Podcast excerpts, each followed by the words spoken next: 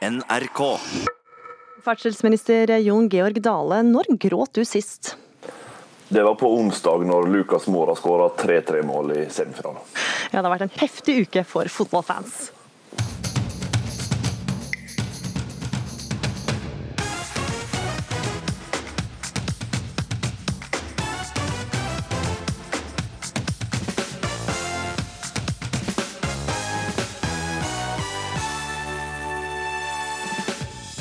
En kaffekopp i papp er på alles lepper etter at en Starbucks-kopp dukka opp i Game of Thrones.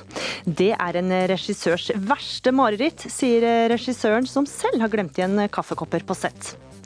For første gang på 77 år utgis Hitlers Min Kamp i Norge. Ingen bør tjene penger på denne boka, mener filmskaper Nina Grünfeldt. Og når nattoget er så fullt at man må booke flere uker i forveien, tyr folk til Facebook for å dele sovekupé med fremmede. Der kan det være en med rød jakke. Han har rett alder og rett farge på jakka, så da kan det hende at dette er min romkamerat. Du hører på Ukeslutt, jeg heter Gry Veiby. I løpet av denne sendinga så spør vi når blir konfirmantene flaue av en tale? Eller hvis du sånn har driti deg ut skikkelig, og så skal de fortelle det. Det er flaut.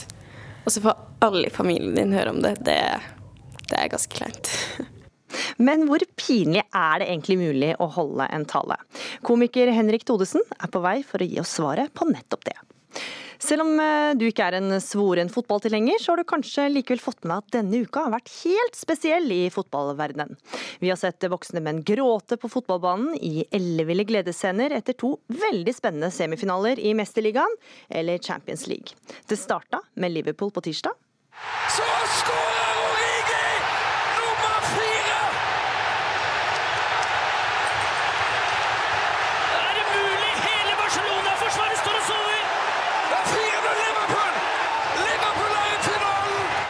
Så kom Tottenham etter på onsdag. Og så kommer skåringen! Så kommer skåringen! Mora! Mora er som en frelser for Tottenham! Ja, Å vinne Mesterligaen er altså det største et fotballag i Europa kan oppnå. Og en av dem som var i Liverpool og så denne kampen direkte, det var du det, Jon Arne Riise, tidligere fotballproff. Du har spilt over 200 kamper for Liverpool og er med oss eh, fra Qatar. Hvordan var det å se den tidligere klubben sin vinne denne kampen?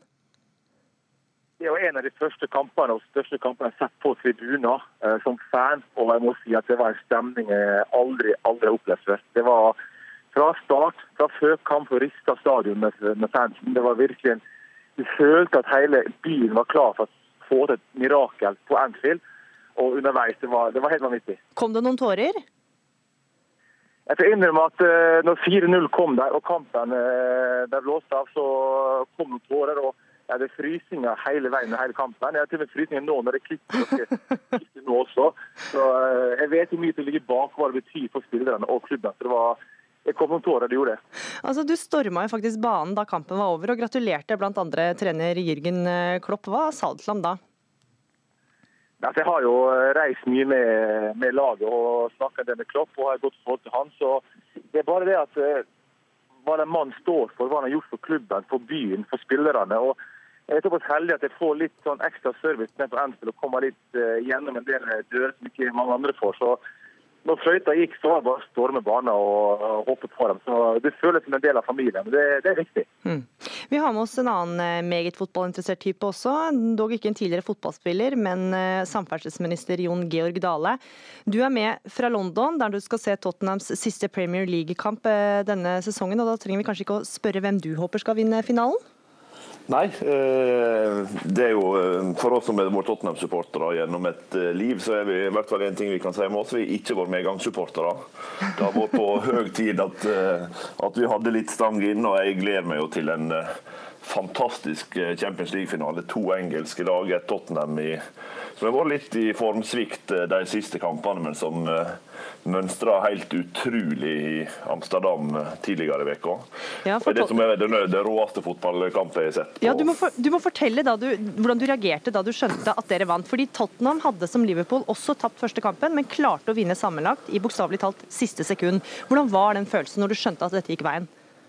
Nei, Den er ubeskrivelig. Det, det Verden rundt deg kollapser. eh, og du, det, du, sitter, du sitter bare igjen i din egen boble. eh, og når du, når du tror at du er en rasjonell mann, og så tar du deg sjøl sitte på en pub på en krakk, eh, og tårene triller, da er det et eller annet som, som skjer som er ubeskrivelig, og som for min del i hvert fall er nesten bare fotballen som klarer å utløse. Ja, for, for du, som du sa også litt tidligere, at du gråt. Ja, eh, jeg gjorde det. eh, Helt ukontrollert. Og det, det skjer ikke så ofte, det, men, men det er et eller annet med Jeg har jo fulgt eh, Tottenham gjennom mange år. Jeg er ofte i London og ser kampene. Jeg har sett hva den stadion som nettopp er bygd og som vi flytta inn i her for en kort tid siden, eh, har betydd også for bydelen, som er en ganske belasta bydel i London. Det er, det er mer enn fotball når et lag røyser seg, sånn som Tottenham har gjort eh, gjennom denne sesongen gjennom de siste åra, og som nå gjør at vi skal spille Champions League-finale i Madrid. Riise, det er jo ikke mange som vet hvordan det er å stå på banen eh, når man vinner, eh, men du var med på å vinne en mesterligafinale med Liverpool i 2005. Hvordan er det? Nei, Det er jo veldig vanskelig å beskrive, fordi du tror at du vet hva det går til og vet hva som skjer i det du vinner. Eh, Men å tenke tanker på å vinne en finale i det er så langt fram i tid, så vilt å tenke. Men så sto jeg der da, eh, med trofeet, og eh, det er klart det kommer tårer. det kommer jeg tenker tilbake på oppveksten, hvor mye du lagt tilbake av trening og du har ofra. Du står der, du kommer fra Hessa i Ålesund, du står og løfter det største trofeet du kan som klubbspiller. Og da er det klart, du føler at du har nådd målet og enda mer. Er nå, Uansett hva som skjer i fremtiden, så kan ingen ta på meg at jeg har vunnet Champions League. Og Det var en fantastisk følelse å stå der og holde det suksesset og vite at det er en av de få som opplever dette her. Dale, nå skal jo, altså hvordan ser du på motstanderen og altså laget til Riise, Liverpool? Er det ekstra spennende at det er to eh, engelske lag nå? Ja, det er det jo. Liverpool har jo hatt en eh, helt vilt bra sesong, og de spiller jo fantastisk fotball om dagen. Det er jo tungt å innrømme det, men det blir jo tøff motstand. Og så er det jo det som er med engelsk fotball i Norge, det er jo ekstremt mange av oss som eh, bryr oss om det. Eh, Liverpool har utrolig mange fans, også noen av de mine kamerater. Og, og skuffelsen over å tape ville være så enorm at det er bare seier som er et alternativ. Hvis ikke så ja, nei, det, det, det blir en tung sommer hvis ikke. Riise ville være sure å tape mot Tottenham, men for et annet europeisk lag?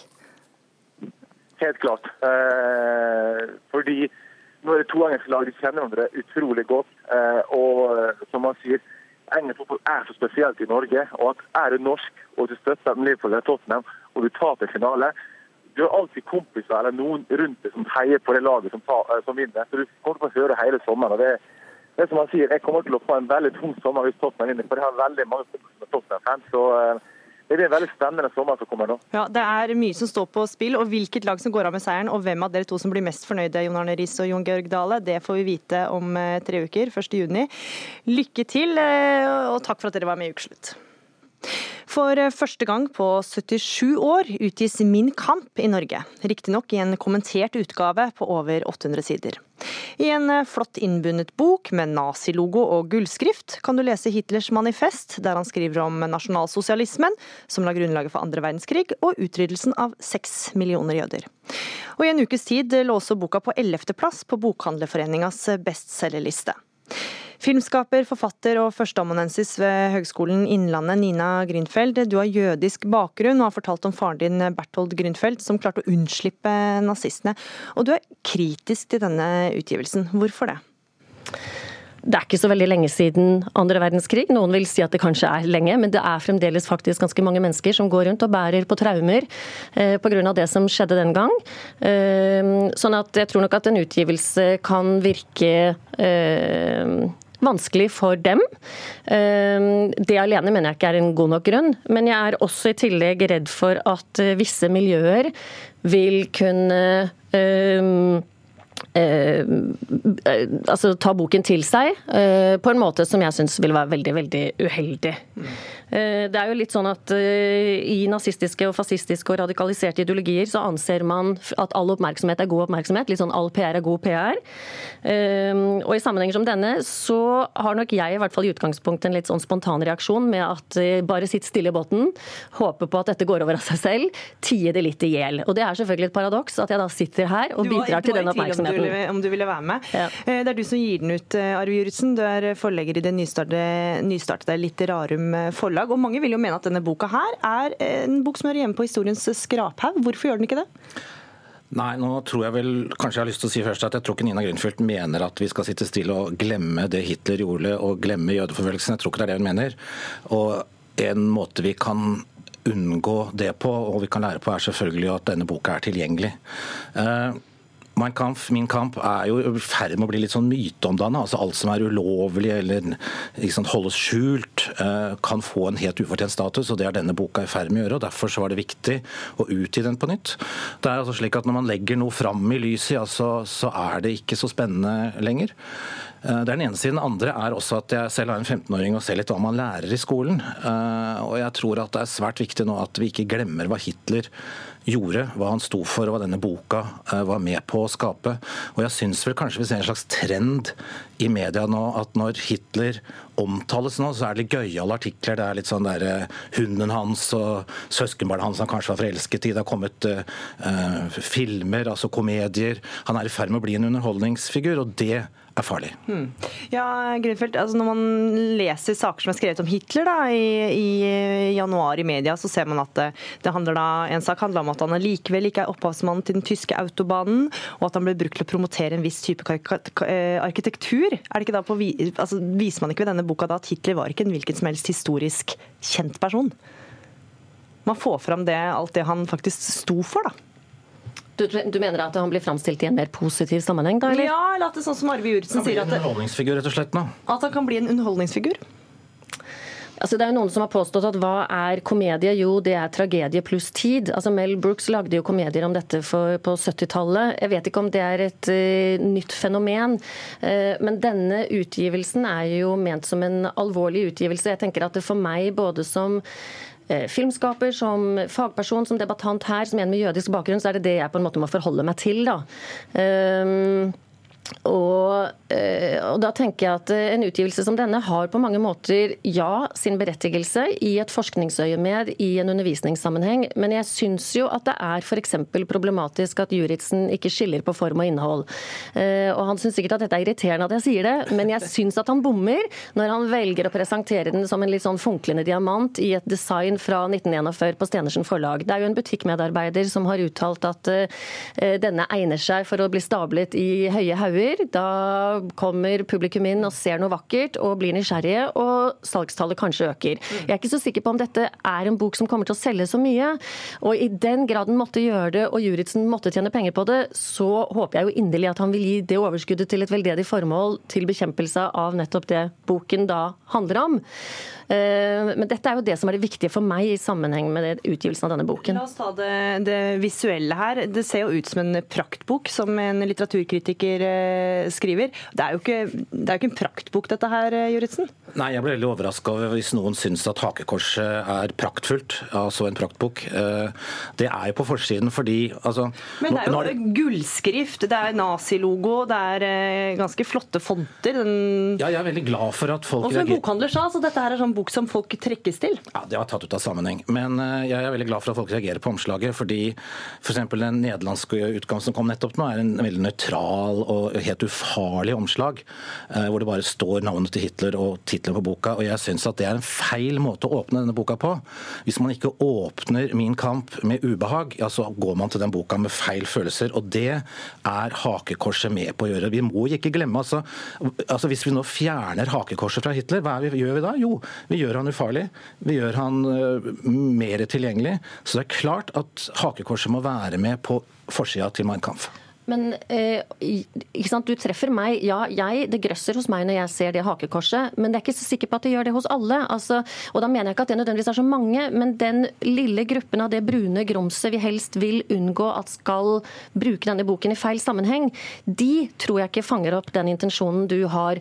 Og jeg tenker jo Ja, at men men, men at jeg skal bare si ferdig, Jo, men fordi jeg at De Vi vil nettopp bruke den til den fetisjen som Terje Embeland ved HL-senteret beskriver så bra. Ved å lage den så vakker og ikke formmessig ta avstand, hvilket man jo lett kunne ha gjort, og kunne man laget noe helt annet enn det man brukte under krigen, så skaper man et slags lite hellig symbol som visse personer vil velge å kunne bruke til sin uh, Jeg er altså uenig med deg. Jeg syns ikke hakekors er vakkert, bare så det er sagt. Og du tar feil når det gjelder disse Jeg sier ikke at det er vakkert, jeg sier tvert imot. Ja, det hørte jeg ikke. Men uh, de menneskene du nå snakker om, dette såkalte grumset som du kaller det, de har allerede tatt avstand fra den utgivelsen. Uh, det miljøet i Norge, så jeg tror ikke du skal være bekymra for det. Nei, de syns denne er kommenterte utgaven ikke er det de vil ha. Så, så dette lille gruppen av de menneskene du er bekymret for, det er så lite, og eh, de har tatt avstand allerede. Og Men, men Juristen, hvorfor trenger vi den boka? Du sier at den er vanskelig å få tak i, men du kan låne på biblioteket. Den ligger fritt tilgjengelig på Nasjonalbibliotekets database, og den kan bestilles på nettet for de som ønsker det. Hvorfor er det på tide med ny, utgavelse? nyutgavelse? Det er også feil, for det fins ingen norsk kommentert utgave før. Så hvis det er slik at man foretrekker Hitler uimotsagt, ja, så er den lett tilgjengelig i alle de eh, foraene du sier. Men det mener jeg er helt feil. Å utgitt eh, Min kamp på nytt nå, eller å referere til den uimotsagte eh, Hitler, fordi at eh, boka er full av løgn. Boka full av faktiske feil. Boka er skrevet for nesten 100 år siden. Det er mye som er vanskelig å forstå. Så skal vi ha noe nytte av en slik bok, så må det altså være en kommentert og forklart utgave slik som vi har laget. Og det fins ikke noe annet sted. Derfor er den viktig og nyttig. Ja, altså, eh, og ja, jeg er enig med deg i en del av det du sier, eh, Juritzen. Jeg syns også at Anders Kjøstvedt, som har kommentert boken, han nevnte i Gamle festsal i slutten av april at eh, den opprinnelige påtenkte tittelen for Mein Kampf lenge var 'Fire og et halvt års kamp mot løgner, dumhet og feighet'. Eh, Og Kjøstvedt mener jo da, hvis jeg forstår han riktig, at denne utgivelsen viser at det var Hitler og nazismen som var full av løgner, dumhet og feighet. Um, og det er jo bra hvis Juritzen ønsker å fremme dette, hvilket jeg regner med at han gjør ved å utgi boken. Men jeg er jo redd for at han blir stående som en nyttig idiot da, ved å introdusere en fetisj. Selv om det er i et marginalt miljø. Men det er et miljø med holdninger som vi vet at er i spredning og økning i Vesten i dag. Så gjenstår det å veldig- se. Jeg må få si en ting. Jeg synes det er trist hvis denne debatten handler om, om gull eller ikke på forsiden og ord som fetisj. Dette handler om noe langt viktigere. Det handler selvfølgelig om innhold i boken. Det handler om innholdet i boken, og ikke minst hva denne boken førte til. La oss ikke glemme det. Og det var alt vi rakk i denne omgang. Takk for at dere kom til ukeslutt. Du hører på Ukeslutt. Det er farlig å hevde at man ikke kan ha det bra uten sex, mener teolog, som snart skal få møte en av dem han mener har skylda for sexfokuset i samfunnet. Fått få likes i det siste? Bruk barna. Foreldre og besteforeldre deler i hytt og pine. Det må de slutte med, mener debattant. Barna mine tar ikke skade av at jeg legger ut bilder av dem, svarer mammablogger. Og hva gjør du om du sliter med å få billetter til nattoget? Deler sovelugar med en fremmed, så klart. Det har vært mye snakk om menn som lever i ufrivillig sølibat. De får seg ikke partner, og foran tastaturet finner de skjebnefellesskap med andre såkalt incels. Prater vi nå så mye om sex at vi framstiller det som viktigere enn det det er? Det mener teolog Espen Ottosen, men han er ikke den første som sier det. Bare hør her. Ja, da tror jeg at snille, pene barn i alle alder skal gå og legge seg, for nå skal vi drøfte samlivsproblemer. Poenget er jo å få seg dame eller å ha sex. Jeg tror at vår tid på mange måter er overseksualisert. Altså, Sex for meg er bare hud. At folk tar det så alvorlig. For meg er det bare hud. Det er liksom hud som møter hud. Det er som å klappe henda. Og selve nydelsessiden fremstilles eh, veldig sterkt for vår ungdom. Altså, det er blitt mer og mer vanlig i eh, herre- og dameblader at det står om sånn sextips og sånn. Det gjør det jo overalt. Ti ting han liker i senga. Ja. Det er noe styggedom i fremmed, ja. Det forråtner samfunnet i det hele tatt. Ja, det er stygt. Ja, for det er jo noen helt grunnleggende ting vi mennesker trenger for å leve. Vi trenger mat og vann, så kroppen vår fungerer. Vi trenger søvn. Vi trenger kanskje også kjærlighet og ømhet. Men det er skadelig å hevde at vi trenger sex. Det skriver du i en kronikk i Morgenbladet, Espen Ottosen. Du er samfunnsdebattant og teolog. Hva er konsekvensen av at vi gjør sex så viktig? Jeg tror faren er at folk får det eh, mindre bra enn de kunne ha hatt det. Altså Hvis du er singel, hvis du er eh, hvis du er i en eller annen situasjon da hvor du opplever at eh, du ikke får dekket alle dine seksuelle behov eller seksuelle lengsler, så er det klart man får jo Det blir jo sten til byrden hvis folk går rundt og sier at det er livets mål og mening, dette trenger du for å leve et fullverdig liv. Ja, Hvem er det som sier det, da? Ja, kanskje Håkon Aars. Nå får vi jo høre hva han, hva han, sier, som jeg snart skal debattere med. Men jeg tror jeg nok ikke mener at sexologene er hovedproblemet her, men rett og slett litt sånn Hollywoodifisering eh, av samfunnet. Det er det altså, seksualiserte samfunnet? Ja, pornofiseringen, det seksualiserte samfunnet, men, men kanskje også særlig eh, denne Hollywood-ideen om at eh, livets mål og mening det er å, å treffe drømmepartneren, få eh, det drømmesamlivet. Eh, da blir det et heftig sexliv, og lykken kommer strømmende. Og hvis du ikke opplever dette, da har du et stusslig liv. og jeg, jeg, tror det kan være litt sånn i vår tid. Så, så vi kan fint leve uten sex? Altså Nå skal jeg jo være litt sånn forsiktig, da. Eh, jeg gifta meg som 20-åring og har vært gift i snart 30 år, så det er litt skummelt å sitte her og skulle liksom fortelle folk i en helt annen livssituasjon at dette går jo selvfølgelig bra. Og jeg tror jo at seksuelle lengsler, seksuelle behov er helt reelle, og at dette er viktig for mange. Men grunnen til at jeg i det hele tatt skrev denne artikkelen, var at jeg snakket med en mann på min alder, en singel eh, prest Eh, som sa at noe av det som gjorde livet hans litt ekstra krevende, det var denne, dette budskapet han fikk da, om at du er ikke et skikkelig menneske mm. uten å leve i et seksuelt forhold, uten mm. å ha eh, eh, kjærligheten i livet ditt. Mm. Og han hadde en plan om å dø som jomfru. Eh, og ble jo nesten latterliggjort. og, og en av dem som eh, kanskje sier at sex er viktig, det må jo være deg, Håkon Aars. Du er lege og sexolog. Mm. Er, eh, trenger mennesker sex? Ja, altså Jeg hevder jo det, og, men det, det, er, det som er greia, er definisjonen av sex. Mm. Fordi jeg er veldig opptatt av medias fokus på sex som en sånn teknisk øvelse, nærmest. Jeg snakker, og når jeg foreleser for kolleger og for andre, så snakker om at er eh, psykisk helse er viktig, fysisk helse er viktig, men også seksuell helse. Og når jeg snakker om sex, så snakker jeg om seksualitet, så da snakker jeg om helheten. Og disse tre begrepene, det er faktisk helsebegrepet. Så det er en del av helsebegrepet fordi jeg erfarer jo som, eh, som kliniker å, å, sitte og jobbe med mennesker som kommer til meg i forhold til at de har problemer i forhold til seksualitet. Jeg opplever jo at det går ut over deres psykiske helse. Det, det går, og, og, hvis de har en dårlig fysisk helse, går det også ut over den psykiske helse og den seksuelle helse. Men jeg tenker dette er begrepet fordi at eh, litt så Espen Ottosen sier at uh, media på en måte fokuserer på det vellykkede, på det Hollywoodifiserte, for å si det sånn. Porno har jo selvfølgelig også kommet opp, det er bare to tastetrykk som man er inne på det. Men det blir på en måte den, det blir så fokus på den tekniske, på den vellykkede, på, på det som man må være. Ja, har, men hva er sex da? Ja, Sex er dette med nærhet, intimitet, kropp, uh, kjærlighet. Dette er om å være, danne, danne noe med et annet menneske. Ikke sant? Det er seksualitet. Vi snakker ikke bare om dette om penetrasjon, og det er veldig mye det som blir fokus. Så dette handler om, om nærhet, om å kunne få uttrykke sine følelser til et menneske man er glad i.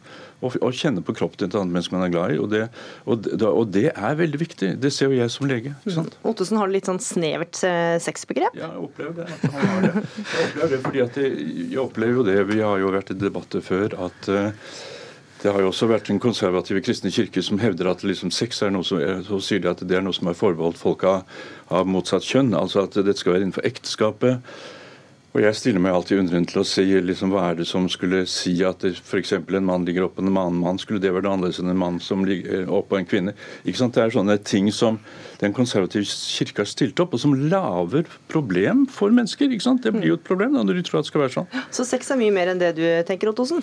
Ja, det tror jeg delvis kan være enig i. Og jeg tenker at mennesker har behov for nærhet. Mennesker har behov for intimitet. Det har alle. Eh, og da tenker jeg også at de som lever som single, og f.eks. han presten jeg akkurat fortalte om, eh, han har også behov for nærhet og intimitet. Men samtidig så er det et eller annet litt sånn risikofylt, syns jeg, med måten Års snakker om dette på. Fordi at eh, hvis min kamerat, som altså er singel, har en veldig nær jentevenn eller nær kamerat eller et eller annet annet, og de gir hverandre en klem. og De, de opplever intimitet, de opplever nærhet. Skal jeg da gå rundt og si at dere har sex sammen? Det tror jeg ikke Års selv vil si. Så Vi må høre med Års, da. så selvfølgelig finnes altså, det ja. nyanser Nå er jo du inne på den der snevre definisjonen av sex sammen. Altså Seksualitet er et mye videre begrep, og det er jo det som er mitt fokus. ikke sant? Seksualiteten er alt det andre som også er kjærlighet, som er omsorg, som er nærhet, som er hud, som er kos.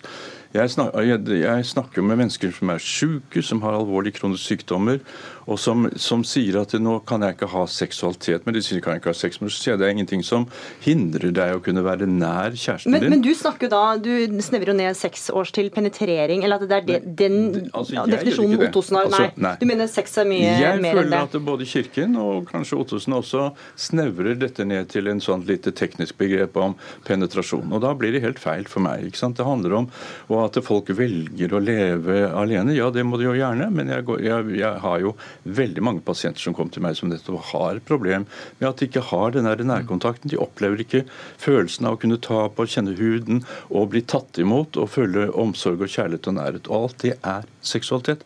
Og jeg, mitt poeng er også at det, er en tendens i samfunnet, og også gjennom dette med porno, at eh, sex blir sex. Det blir begrenset til det vellykkede, til, til alt det som nå men, unge mennesker gjør i dag. sant? De forandrer utseende, de, går, de, de skal liksom se sånn og sånn ut for å være vellykket. Og da blir på en måte da blir sex et sånt, på en måte et nærmest tvangsbegrep. sånn Du må være sånn for å kunne ha sex. Jeg sier at du kan på en måte ha hva som helst for å ha en god seksualitet. Altså, jeg, jeg deler litt eh, perspektiv her, og samtidig så tenker jeg at det blir noe lettvint ved det. fordi at Når vi starter med spørsmål om ufrivillig sølibat altså Det finnes jo mange mennesker rundt der eh, som, som lengter etter den store kjærligheten, og, og lengter også etter et heftig sexliv. og Det er klart det kan jo være litt puslete da, å signalisere til de at ja, men du har egentlig mye seksualitet du også, eller du opplever mye seksuell intimitet Ja, hva, bare du snakker hva med sier du til dem da, Års?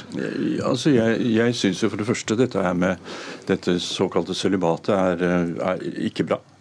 Og, jeg tror at og jeg opplever jo som lege og kliniker og sexolog at folk kommer til meg ikke fordi media eller, altså er fokusert på dette med sex, men de lengter etter et annet menneske. De lengter etter nærhet.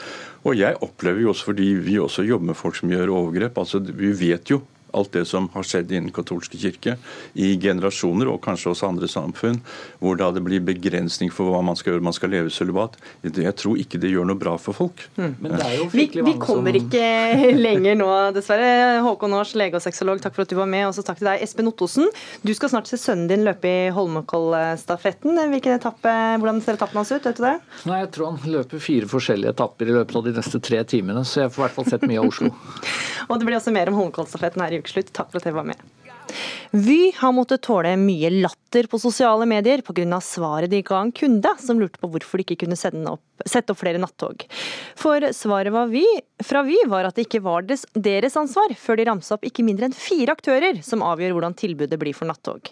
For skal du ha sovekupé på nattog, må du nemlig bestille flere uker i forveien, fordi, fordi det fort blir fullt.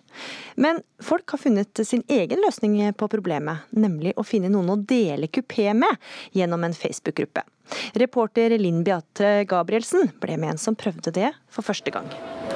Her, må man prøve å finne en konduktør i restaurantvogna og få seg nøkkelkort til kupeen sin. Øystein Dale tar nattoget omtrent én gang i måneden på jobbreiser til Stavanger, Trondheim eller Bergen, som i kveld. Jeg prøve å finne min eh, romkamerat. da. Avtalen møtes her, og han hadde rød jakke og var, er en relativt ung kar. På rundt 30 eller noe sånt. Jeg ser en borti der som eh, passer godt beskrivelsen. Så får vi ta en prat med han. Det er nemlig slik at bestiller du nattkupé, så får du begge køyene for deg selv. Samtidig har vi bare 20 nattvogner totalt i Norge, så det blir fort fullt. Nei, altså det er oftest fullt når du bestiller bare noen få dager på forhånd. Så når jeg planlegger å reise, så må jeg bestille en to-tre uker på forhånd. Da får jeg som regel en eh, sovekupé. Men det har folk funnet en løsning på selv gjennom Facebook-gruppa Dele kupé NSB. Der kan man legge ut når og hvor man skal reise, og finne en å dele nattkupé med. Så Øystein la ut en forespørsel for første gang i forrige uke, og fikk napp hos Eirik Christensen. Hei. Hei, hei. Øystein heter jeg. Eirik. Hyggelig. Så er det du som skal dele kupé? Det visst det. Ja, så hyggelig. Jeg har aldri prøvd dette her før, men jeg regner med det ikke er noe å frykte. Det er første gang jeg bruker denne dele kupé-sida på Facebook. Så um, dette er morsomt å prøve. Ja. Men mens Øystein og Eirik finner tonen på nattoget, spør vi jernbanedirektør Kirsti Slottsvik hvorfor det er så vanskelig å få satt opp flere sovevogner. Altså det er så enkelt som at vi har vært ute og sjekka går det an å leie tog. Det vi ser det er mye gammelt og dårlig det som er på markedet. Så vi ser for oss at det blir en litt tyngre prosess med budsjettforslag. Eh, finne ut hva er det vi trenger. Eh, hvordan finansierer vi både drift og kjøp av det. Og bestille ute i Europa. Når kan man tenke seg at det vi kan få på plass flere tog? Altså, vi sitter og lager en strategi nå som skal være ferdig i oktober. Det vil si, da snakker vi om å kanskje komme med innspill eh, til et budsjett i 21-22. Ja, her blir vi møtt med sjokolade og ørepropper. Det er sant. Ørepropper er fine å ha. Ja. De lukker verden ute, og så har man det ganske ålreit her. Kupeen har en køyeseng og lite gulvplass, med bare plass til én mann i bredden. Ganske plasseffektivt rom. Det, det må man si. Ja. Så det var en stige. Ja, se her er det stige. Det virker som du har tenkt å legge det i øverkøya. Ja, nei, nå eh... Var det på ekte? Nei, vær så god. Nei, nei, jeg tenkte at Nederkøya var den beste, så da kunne du få den. Akkurat, ja. Syns du den er den beste? Nei, jeg skal ikke krangle meg til den eh, øverste. Vil du ha den øverste? Nei, nei da, jeg sover godt nederst. Det er bra, det. Men det er ikke bare nattog det er stor interesse for. Flere enn før vil på interrail i sommer. Det merker de på billettkontoret på Oslo S, betjent av Entur. Vi har en sterk økning. eh, altså ganske Fra tallene vi ser fra de siste åra, så merker vi et stort økning. Så det er nesten rundt 14-15% hittil da, i år. Det sier teamleder Ira. Eh, Alt fra eh, familier eh, til de over 60. Altså der har vi jo seniorprisen. Og så har vi da mm, mange unge også som ønsker å reise. Så vi har sterk økning på stasjonene. Sigrid Elsrud reiser masse med tog og driver togbloggen. Hun får mange spørsmål fra folk som vil reise til Europa, og hun vet litt hvor skoen trykker. Ja, for det første så begynner det litt med at folk syns det er vanskelig å finne ut hvordan de i det hele tatt finner billettene dit. Så der må noen eh, rett og slett tilby litt bedre informasjon enn de gjør i dag. Og så handler det om å forbedre togforbindelsen. Hva mangler her? Her mangler jo, som fra Sverige for så vidt, eh, de gode forbindelsene ned til, eh, til København og videre til Hamburg og andre europeiske byer. På sosiale medier ligger det ute en togtabell fra 1990. Den viser at den gangen var tog til København fem ganger om dagen, og to til Hamburg. Vi spør jernbanedirektør Kirsti Slottsvik igjen. Eh, Hvorfor har vi ikke det tilbudet lenger? Fordi at du kan kjøpe en flybillett til en tredjedel av prisen. Så det her er markedsmekanismer. På 90-tallet var det dyrt å fly. Og eh, da var tog et reelt alternativ, også i større grad internt i Norge. Eh, Det har ikke det vært de siste 20-30 åra, altså. På nattoget til Bergen er det snart midnatt, tannpuss og på tide å hoppe til køys. Så får vi kanskje legge oss på skift, da. Eh, Ja. Ønsker jeg dere en god tur til Bergen, ja. Jo, tusen Ja. takk. Takk for det. Ok, Sånn godt! God tur tilbake.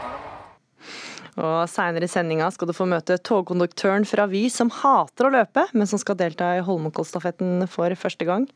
Det er konfirmasjonstid, og du er kanskje en av dem som gruer deg litt til å holde konfirmasjonstale til den unge håpefulle. Men har du tenkt på at eh, konfirmanten selv kanskje er litt stressa for talen du skal holde, i tilfelle den eh, blir altfor pinlig? Vi har snakka med tre av årets konfirmanter om nettopp taler. Jeg gruer meg, jeg gleder meg veldig mye til taler, men jeg gruer meg også litt til å se hva som kommer. Jeg vet ikke hva som kommer. Er det liksom talene du er mest nervøs for for hele dagen? Um, det er talene jeg egentlig gleder meg mest til hele dagen, men også Jeg kommer til å bli flau. Men jeg liker å bli flau, da. Ja. Men Hils på tre konfirmanter. Helene Amelie Ulstrup skal konfirmere seg nå i helga. Ingunn Huseby konfirmerte seg i april, og Hanna Breivik Karlsen er klar til høsten. Og de vet alle at taler, ja, det kan bli litt flaut. Men når er det flaut? Ja, jeg vil si at um, det blir ganske flaut når, eh, hvis man nevner gutter og sånn. Og sånn de man har um, Ikke ekser, men de man kanskje har hatt en greie med. Eller har likt litt og sånn. Og så nevne det foran da besteforeldre og tanter og onkler og alt Ja. sånt der. Det kan fort bli litt flaut. Eller hvis det er noe tullete man har gjort, da. Så hvis det er noe rart eller morsomt man har gjort med vennene sine, så får liksom alle høre om det. Det er litt flaut. Eller hvis du sånn har driti deg ut skikkelig, og så skal de fortelle det. Det er flaut. Og så får alle i familien din høre om det. Det, det er ganske kleint. Til voksne nå som kanskje skal holde en tale og lurer på hva skal de si. Har dere et råd? Dere burde prøve å em, gi fine, eller si fine egenskaper som personen har. Kanskje trekke inn noen historier, og så kanskje gi noen råd da, til videre i livet. Og så er det viktig å ha med humor også. humor er viktig. Sånn litt flaut. Ikke for flaut, men litt flaut. Og så tror jeg også det med egenskaper, så er det viktig å trekke fram kanskje litt unike egenskaper. Ikke med sånn Ja, du er veldig snill. Det er litt sånn Ja, OK. Hvis du trekker fram noe som er veldig unikt med den personen. Det er kanskje litt vanskeligere å finne, men eh, når du faktisk gjør det, så betyr det veldig mye. Og jentene vet hva de snakker om, for de holder taler i hverandres konfirmasjoner. Disse to holdt jo tale til deg. da. Var det noe de trakk fram som du syntes var stas?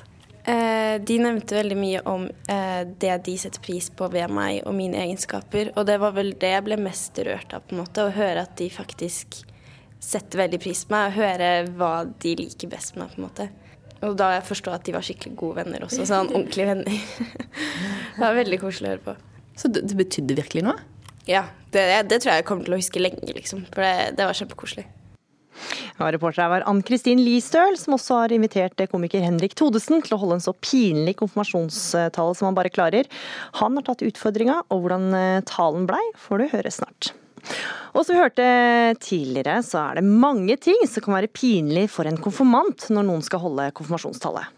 Det må liksom være en balanse, fordi man skal bli flau, flau, men ikke for flau at man liksom ikke tør å snakke med eh, resten av familien etterpå.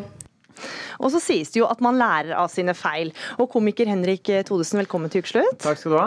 I så måte så vil jeg si at du er ganske raus, da, for du lar Ukeslutts lyttere lære av Ja. dine feil, eller dine lagde feil. Ja, jeg har prøvd å lage feil, jeg. Ja, fordi du fikk utfordringa fra oss å lage den pinligste konfirmasjonstalen du klarer. Og hvor vanskelig var den oppgaven? Eh, jeg syns det var greit. Det det var jo bare å plukke fra alle de flaueste talene jeg har hørt. Litt eh, her og der, og så samle det i en potpurri av eh, forferdelige ting. Gjorde det litt vondt når du skrev talen? Nei, det går bra, for da er jeg forberedt på det. Så det, det går bra. Men uh, vi får høre hva du syns, da. Ja. For Du, ja, for du skal nå gå inn i rollen som en farsfigur for eh, Ja. konfirmanten Ole. Kan jeg, jeg, jeg, jeg kan være mor slash far. Kan jeg være en sånn hen-figur? Så Du- tenker jeg er kanskje det beste. For Ja. den foresatte. Altså kan- Oles kan- foresatte. Jeg kan være Oles foresatt. Ja. Skal vi se, da, da skal vi ha litt sånn lyd av eh, s- Det er et stort Og selskap. det er veldig mange i denne Ja, det er konfirmasjonen. veldig mange. Det er veldig mange. Så nå må du bare kjenne de klamme Ok, ja, ja. hendene dine. Eh, Den hvite duken er på, det er langbord med festkledde slektninger. Og da sier vi like godt ordet er ditt. Ja, skal vi, jeg har skrevet ned noe. Se. Skal vi se har noen Kjære konfirm... Kjære konfirmant. Jeg lovte meg selv at jeg ikke skulle gråte. Kjære konfirmanten min. I dag er du konfirmert borgerlig. Du har valgt bort Jesus til tante Gudruns store fortvilelse, men du har sikkert tatt det riktige valget. Og du, Ole, du er jo veldig opptatt av rap og sånn yo-yo-musikk. Sånn hippa to the hoppa and you just don't stoppa. Og det går i Carpe Diem og Kanye og Kendrick Lamar og gudene veit hva de heter alle sammen. Yo, jeg er så glad i deg, du er blitt en stor gutt nå og er nesten aldri lei. Nei da. Jeg skal ikke rappe og sånn, altså. Da blir du bare innmari flau. Eh, og flau, det ble du, husker du den gangen på Tenerife hvor du hadde hvite shorts og en mage som ikke var helt samarbeidsvillig? Jeg har bilde av det sånn. Her, se på han, da. Da ble du så flau. Ja, du gråt hele natta. Og du er veldig opptatt av å spille dataspill og sånne ting. Her går det i Fortnite og Grand Theft Auto. Men eh, på, da jeg var på din alder, så hadde vi jo ikke sånne ting. Men vi fant på ganske mye lolle ting likevel. Vi var ute og lekte, og vi sykla, og vi klatra masse i trær. Jeg var jo den av gutta som turte å klatre desidert høyest i det digre treet borte ved snuplassen der. Og Tarzan kalte de meg, eller Apegutten. Det var litt sånn artig, da. ikke sant? Det var ikke noe sånn ertete da. Jeg var bare liksom Det var ikke noe mobbe. Jeg ble ikke Det var bare gøy. Det var spa, det, da, på den tiden. At jeg var liksom men nå tenker jeg, nå er det vel Det er litt rart, men jeg tenker at det er like før at nå hjemme her kommer til å renne inn med jentebesøk. er det ikke det? Du er vel en liten hjerteknuser in the making. Men, for det har ikke vært så veldig mye jentebesøk på deg foreløpig. Eh, da jeg var på din her, så hadde jeg to kjærester, holdt jeg på å si. Det, jeg hadde ikke det, men det var eh, Helt til slutt så har jeg har mamma og jeg skrevet en sang som alle kan få være med å synge. Det er den blå sangen, og den er på melodi på Bamses fødselsdag. Og da tar vi den. Her er forsanger. En, to. Her hjemme skulle være fest for Ole som konfirmeres. For vår lille gutt er blitt så stor og skal i de voksne rekker aksepteres. Hipp hurra for Olemann. Da han ble født, ble han dratt ut med tang. Hipp hurra for Olemann. Den eneste gaven du får av oss, er denne sang. Gratulerer med dagen, Ole! Det vet du. Var det bra? Ja, det gjorde litt vondt inni meg. Takk. all, alle lol og, og kriserim og rapp.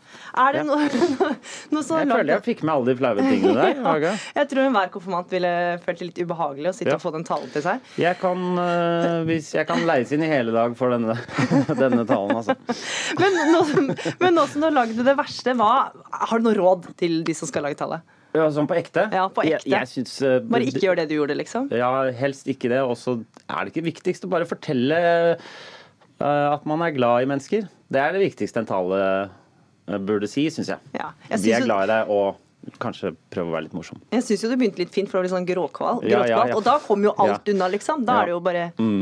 Henrik Thodesen, takk for at du var med i Ukeslutt. Tusen takk for at jeg fikk komme.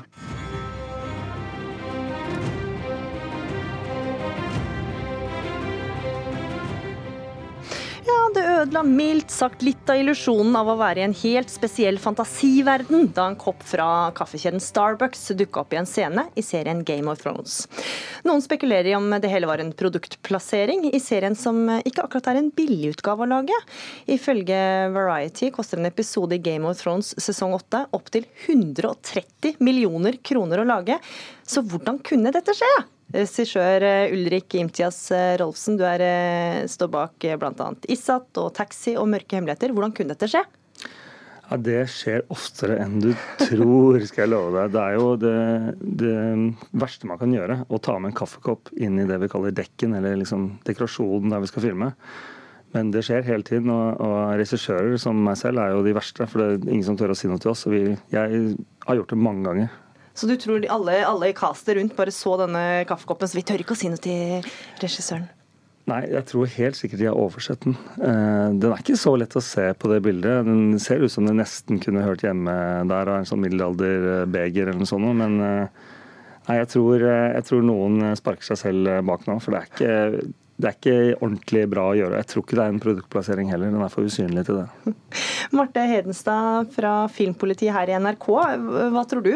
Kan det ha vært en produktplassering, eller rett og slett en tabbe? Jeg tror nok at det er en eh, tabbe. Eh, og vi så jo Emilia Clark la ut et bilde på Instagram her forleden dag hvor hun eh, holdt en Starbucks-kopp og beklaget seg fordi hun mente at hun hadde blitt så ja, satt ut av at Jason Momoa, han som spilte Carl Drogo i tidligere sesonger hadde kommet på besøk på sett, og at hun derfor hadde da satt fra seg denne koppen ved et uhell, litt sånn fleipete på, på, Instagram. Men uh, det var nok en tabbe, og så kan man jo spørre seg selv uh, hvordan i all verden kunne det skje når det er så mange ledd da denne koppen da har klart å snike seg gjennom? Jeg, jeg tror at uh, Game of Thrones er jo omgitt med så mye hemmelighetskremmeri at de faktisk kanskje har litt færre som ser igjennom for å ikke miste hemmeligheter. Mm. Sånn at det kan hende at de har falt for eget grep der, og ikke har så mange som ser gjennom. Men Hedenstad så har du jo disse irriterende blodfansene som faktisk klarer å finne ut av dette her. Hvem ja. er de? Nei, De er jo det store internett. Altså Selv så la jeg ikke merke til den koppen før jeg fikk det påpekt. Og da måtte jeg jo se episoden på nytt, selvfølgelig, og, og, og la merke til det. Men det er jo folk som sitter og, og altså nesten nistirrer på hver frame i denne serien. ikke sant? Fordi at dette er en serie som er kjent for å ha utrolig mange detaljer å få med seg. Eh, og en eh, fanskare som henger seg opp i alt mulig rart for å spekulere i diverse fanteorier osv. Og, så og da er det jo et ekstra årvåkent publikum som ser denne serien, eh, som finner slike ting, da. Mm, ja, Rolfsen, du har jo noen tabber i tidligere serier du også? Ja, jeg har eh, masse ting som har skjedd både i ISAT og Varg VM og Revejakta. Ting som står midt i bildet, og folk ser det jo. Eh, men nå har jeg akkurat laget en ny serie som kom på NRK som heter Semester. og Der hadde vi faktisk en kaffekopp. Og jeg vet ikke om jeg skulle tørre å snakke om den. Den, den kommer nå 24. mai. Eh, og det er en scene med Den serien heter Semester, og det er Herman Tømmerås fra Skam som spiller. Og det er kanskje fordi at han er mer eller mindre naken i scenen sammen med en annen jente, som gjorde at man ikke så den. Helt til liksom fargekorrigereren sier uh, skal den være der? Nei. Var det din kopp, eller? Det var min kopp, og den ble, den ble fjernet. Au. Hedenstad, altså det er jo også skjedd eh, i tidligere episoder at fansen har funnet feil. Ja, altså, Det har jo vært masse masse feil i Game of Thrones, men også opp gjennom historien i filmhistorien. Altså, dette her er jo en helt vanlig greie, som Rolfsen også sier at ofte skjer. Eh, og vi har jo mange kjente eksempler, som f.eks. fra altså, Gladiator-filmen fra år 2000. Eh, hadde masse feil, f.eks. Blant annet den mest kjente, eh, da det er en sånn chariot ride rundt omkring i Colosseum, hvor de gjenskaper et slag og en vogn flipper rundt, eh, og under så ser man en stor gasstank, som kanskje er helt innafor i, i, 2000 når denne filmen kom, men kanskje ikke så innafor i, i, år 180 etter Kristus. Rosen, hvordan er det for deg som regissør å se denne bommerten her, da? Får du medynk? Ja, jeg får medynk. Og jeg syns jo det er eh, Det er jo innmari dumt. Det er bare rett og slett uh, slapt arbeid, og jeg blir flau på med egne vegne. Vi vet jo at jeg kan gjøre, gjøre sånne ting. Men vi har jo folk som skal passe på det. Sett Ja, hvem er de? Det er settrekvisitøren som passer på dette. Som passer på at alt ser riktig ut eh, på settet i bildet. Eh, fotografen skal også selvfølgelig ha et øye med på bildet, men settrekvisitøren er den som er ansvarlig for dette. Mm.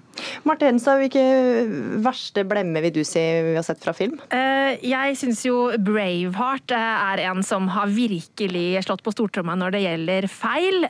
Den kom jo Da var det faktisk ved flere anledninger en del biler mm. som som sneik seg med inn i diverse slagsekvenser.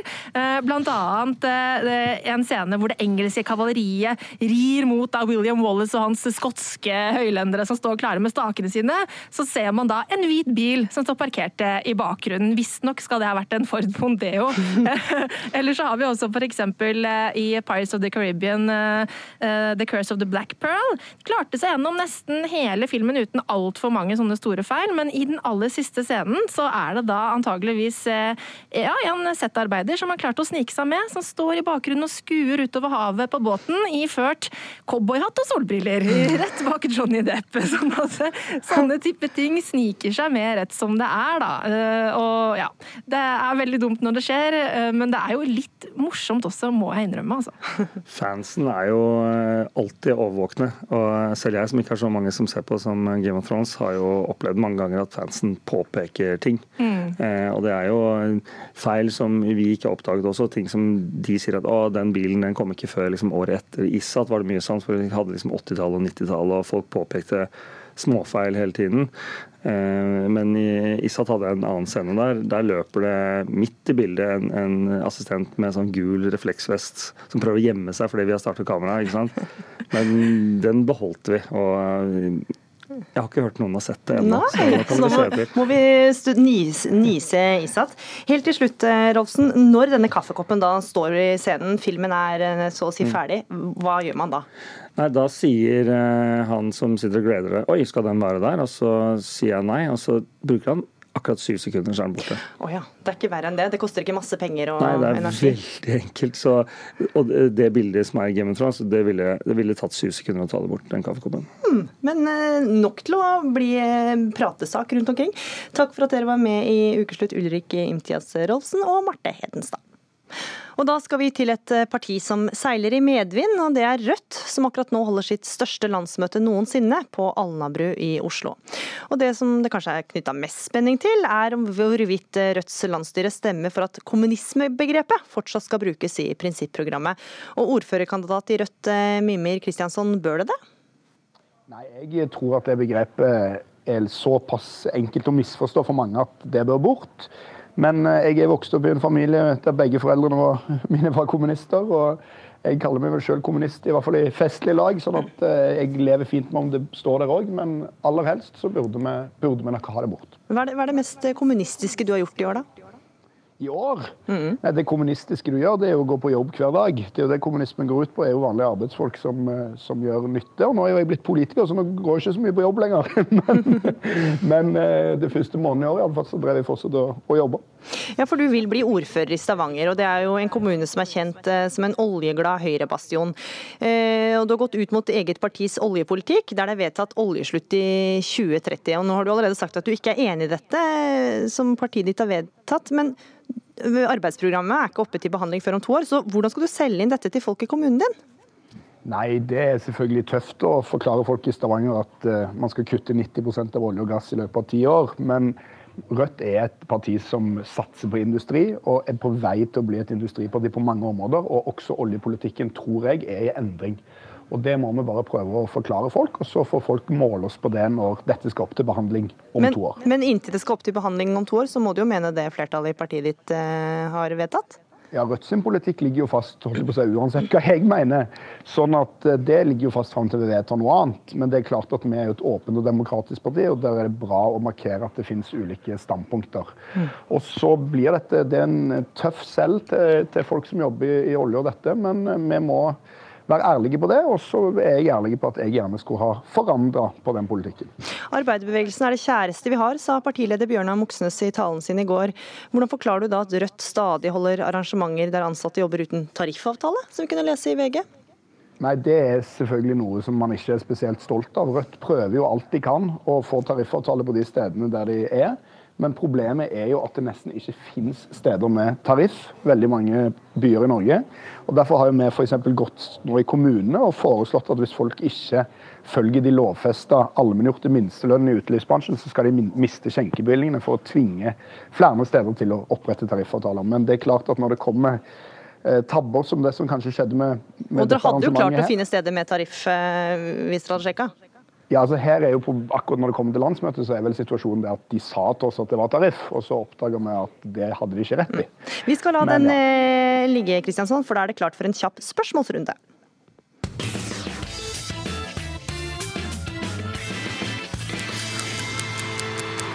Er du klar? Steve Bannon eller private sykehjem? Private sykehjem.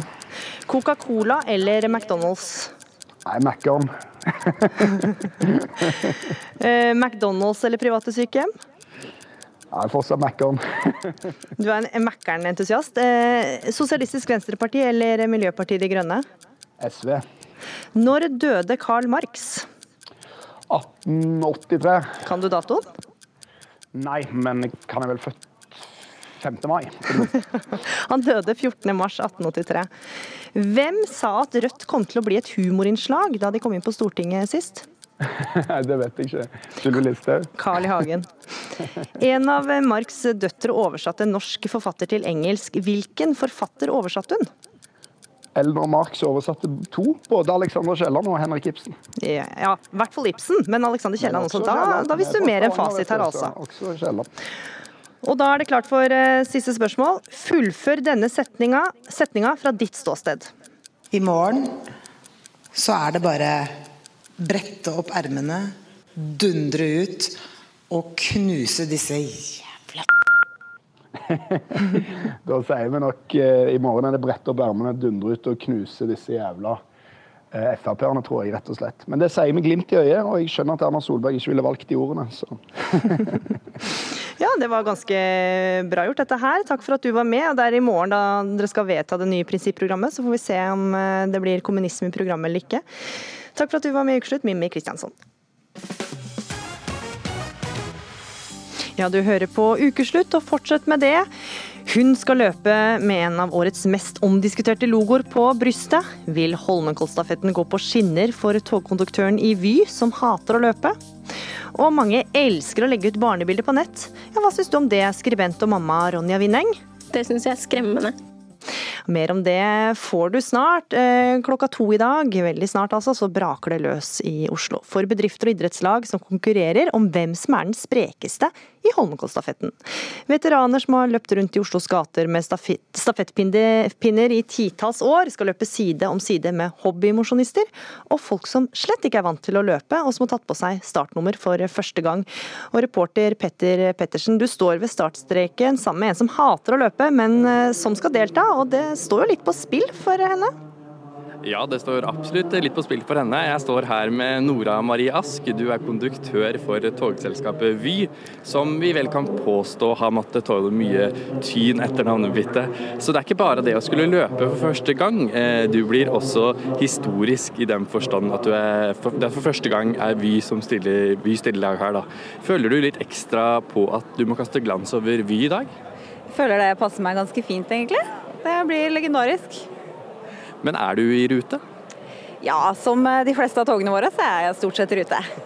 Hva har du gjort for å, for å komme deg i rute da? Eh, ja, jeg har jo ikke løpt så mye da. Men jeg har holdt meg i aktivitet eh, med mye dans. Men eh, jeg er ikke så veldig glad i løping. Nei, fordi jeg har hørt noen rykter om at du ikke er så glad i å løpe? Eh, nei, jeg foretrekker å la være. Eh, eh, med meg så har jeg også eh, Eistein Enoksen, professor i idrettsvitenskap på Idrettshøgskolen. Og kanskje enda viktigere, du har deltatt i Holmenkollstafetten hele 56 ganger. Altså i dag er din 56. gang. Hvilke tips har du til Nora? Ja, jeg er veldig glad i å løpe, og det, dreier seg om god opplevelse. Så jeg vil si til Nora at hun må kanskje oppsøke et løpsmiljø, en treningsgruppe som hun kan trene sammen med, og få litt inspirasjon. Det er ofte greit å gjøre det sammen. Da går det bedre. Kanskje du ville sett litt på løpestilen til Nora og gitt noen tips på, på, på hvordan hun uh, gjør det? Det vil jeg gjerne gjøre. Nora, sett i gang, så skal vi se. hvordan syns du hun uh, ser ut? Hun uh, ser lett og fin ut i kroppen. Hun beveger seg fint framover. Veldig avspent og fin løping. Veldig fin rytme på løpinga. Så hun uh, har veldig gode forutsetninger for å bli dyktig. Hun må bare trene litt mer, så blir du enda mer utholdende, Nora. Mm. Eh, tror du det, dette er lovende, denne løpestilen? Ja, hun må bare passe på at hun har liksom, eh, landing på forfot og fall i løpingen framover, sånn at du, liksom får, så du får en god flyt på løpinga framover. Men Enoksen, 56 ganger. Hvorfor har du deltatt så ofte? Jeg er veldig glad i løping, som sagt. Og jeg driver jo som løpstrener og er lærer i løp på idrettshøyskolen. Og jeg har alltid hatt gode opplevelser med løping. så Derfor så fortsetter jeg å løpe, helt til ikke det går lenger. Da nærmer det seg snart eh, start her på Bislett, og vi skal la Nora ta inn tipsene fra Eistein. Og så ønsker vi dem lykke til i etappene sine. Takk for den eh, rapporten, Petter Pettersen. Se for deg en flokk unger som leker ute. Røde roser i kinnene og store smil. Ja, Da er det nok ekstra fristende å ta opp mobilen og begynne å knipse. Og kanskje er du en av dem som i løpet av denne lørdagen allerede har lagt ut et sånt bilde av barnet eller barnebarnet i sosiale medier. Men er det egentlig greit? Nei, det skriver du i en kronikk i VG, Ronja Winneng. Du er skribent, samfunnsdebattant og mor. Hvorfor er du kritisk til at folk legger ut bilder av barna sine på nettet? Barna de eh, er nå forsøkskaniner, rett og slett, i de sosiale mediene. Eh, og jeg har ikke lyst til å ha mine barn med på det eksperimentet. Hva slags eksempler har du sett på at folk legger ut barna sine på nett? Veldig mange forskjellige eksempler på det. Du ser jo barn som eh, er på nett fra det sekundet de blir født. Fra sykehussenga. Bilder av Ja, fra Egentlig fra man blir gravid, da, så blir jo alt lagt ut. Det finnes jo ultralydbilder overalt. Um, og det, jeg bare føler at det er veldig mange som deler det helt ukritisk. Jeg kan jo få all mulig informasjon om ditt barn uten at du vet hvem jeg er. Mm. Det syns jeg er veldig ekkelt. Sara Emilie Tandberg, du er kjent på sosiale medier som Sara Emilie. Og hvis vi går inn på din Instagram-profil, så er det masse bilder av deg og barna dine. Gjerne i søte og morsomme situasjoner, og så har de på seg like antrekk. Hvorfor har du valgt å være så åpen og legge ut bilder av barna dine? Eh, altså, ja, det stemmer jo. Jeg har jo en Instagram-profil der jeg deler, eh, og har delt egentlig fra svangerskapet startet. Um, jeg syns jo dette her er en uh, morsom ting å gjøre. Vi skaper minner, vi har godt samspill, uh, vi får fine opplevelser. Uh, hovedsakelig så har jeg valgt å dele fordi jeg syns det er veldig ålreit å komme i kontakt med andre mødre som er i samme situasjon. ta opp tabubelagte temaer, dele erfaringer og vise ulike mammasider. og så har jo barna da blitt naturlig en del av det, med tanke på at det henger sammen. Mm. Og du tjener også penger på dette her. Hvordan fungerer det? Eh, ja, det gjør jeg. Eh, I utgangspunktet så er det jo at jeg mottar produkter som jeg viser både til meg selv og til barna, eh, og livsstil som foreldre, egentlig, som jeg da tester og skriver anvendelser på og får betalt for å vise hvis jeg er fornøyd. Mm. Ja, Vinning, Hva syns du om det, da? At Tandberg tjener penger på å legge ut bilder av barna sine? Det skal være litt forsiktig med hva jeg sier. Men jeg, jeg syns jo sånn Helt fra starten av så har hun jo tatt et valg eh, om at eh, det her syns hun er greit å dele med hele verden. Eh, og det har jeg litt vanskelig for å forstå. Fordi at jeg syns det er veldig mye som er privat, og som kan få lov til å forbli privat. Og så har vi et helt utrolig eksponeringsbehov, alle sammen, plutselig. Um, og jeg tenker at det kanskje ikke trenger å og må vi hele tiden klare å tilfredsstille det eksponeringsbehovet vårt, så er jo det ganske trist. Mm. Eh, for det har jo ingenting med barna å gjøre. Hva har du tenkt om, om det om at barna dine kommer til å se masse bilder av seg sjøl på nettet når de blir større, og hva de syns om det? Selvfølgelig. Altså, jeg tenker at eh, Det er veldig viktig å tenke over. og Hvis du velger å gjøre det jeg gjør, og drive med det jeg gjør, så er det jo enda viktigere enn noen gang å tenke over hva man legger ut og hvordan man gjør det. Eh, og jeg tenker jo det at eh, Så lenge man ikke deler sensitiv informasjon, og det at du ikke putter bilder med barna i sårbare situasjoner, altså flaue ting, at du viser det på at, du har på en måte grensene dine. Og jeg syns at diskusjonen er fin og sunn å ha. Jeg bare syns at det blir litt vel altså overreaksjoner på det. da. Ehm, og at eh, jeg, altså jeg hadde jo ikke drevet med dette her hvis ikke jeg trodde at mine barn kom til å synes at det var greit. Jeg kan jo bare ta utgangspunkt i hva jeg selv hadde følt hvis min mor hadde delt. Eh, og så lenge jeg forholder meg til det å ikke dele sensitiv informasjon eh, om de, og passe på at man tenker godt gjennom hva man legger ut, og unngår nakenhet og sårbare situasjoner og de tingene som er ganske viktige med barn, så velger jeg å tro at jeg tror at de kommer til å synes det er greit. Eh, er det ikke ganske sårbar situasjon å dele med hele verden at barn har kolikk? Eh, jeg skjønner hvor du kommer fra, eh, men altså, jeg syns ikke det er det, med tanke på hvis du veier opp. Altså, jeg syns det blir sånn tunnelsyn å se på det at å ja, men du har jo fortalt at barnet ditt har hatt kolikk, sånn at da har du delt en sårbar situasjon av han. Jeg håper jo og vil tro at barnet mitt kan se et litt større bilde av det, og ikke se det så trangsynt.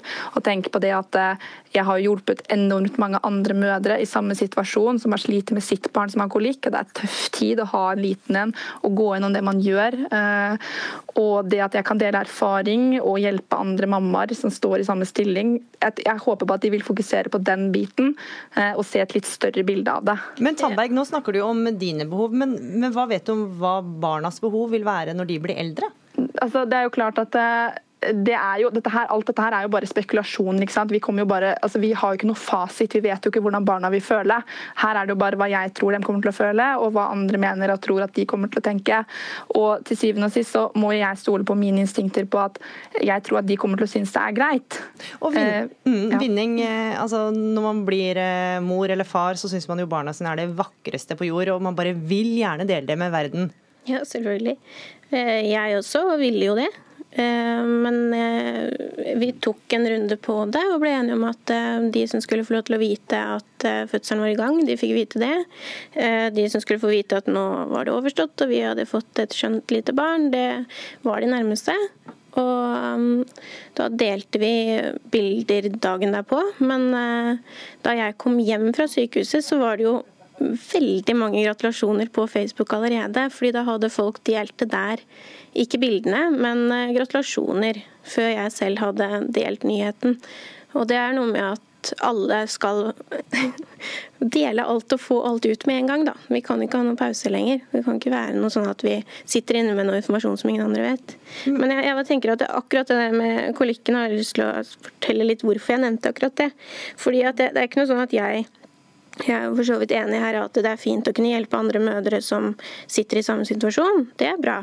Eh, og det har jeg også sett at, eh, at hun har gjort ved andre anledninger, med amming f.eks. Noe jeg også står for og er veldig enig i at eh, det skal vi ha en åpenhet rundt. Og offentlig amming, det roper jeg hurra for.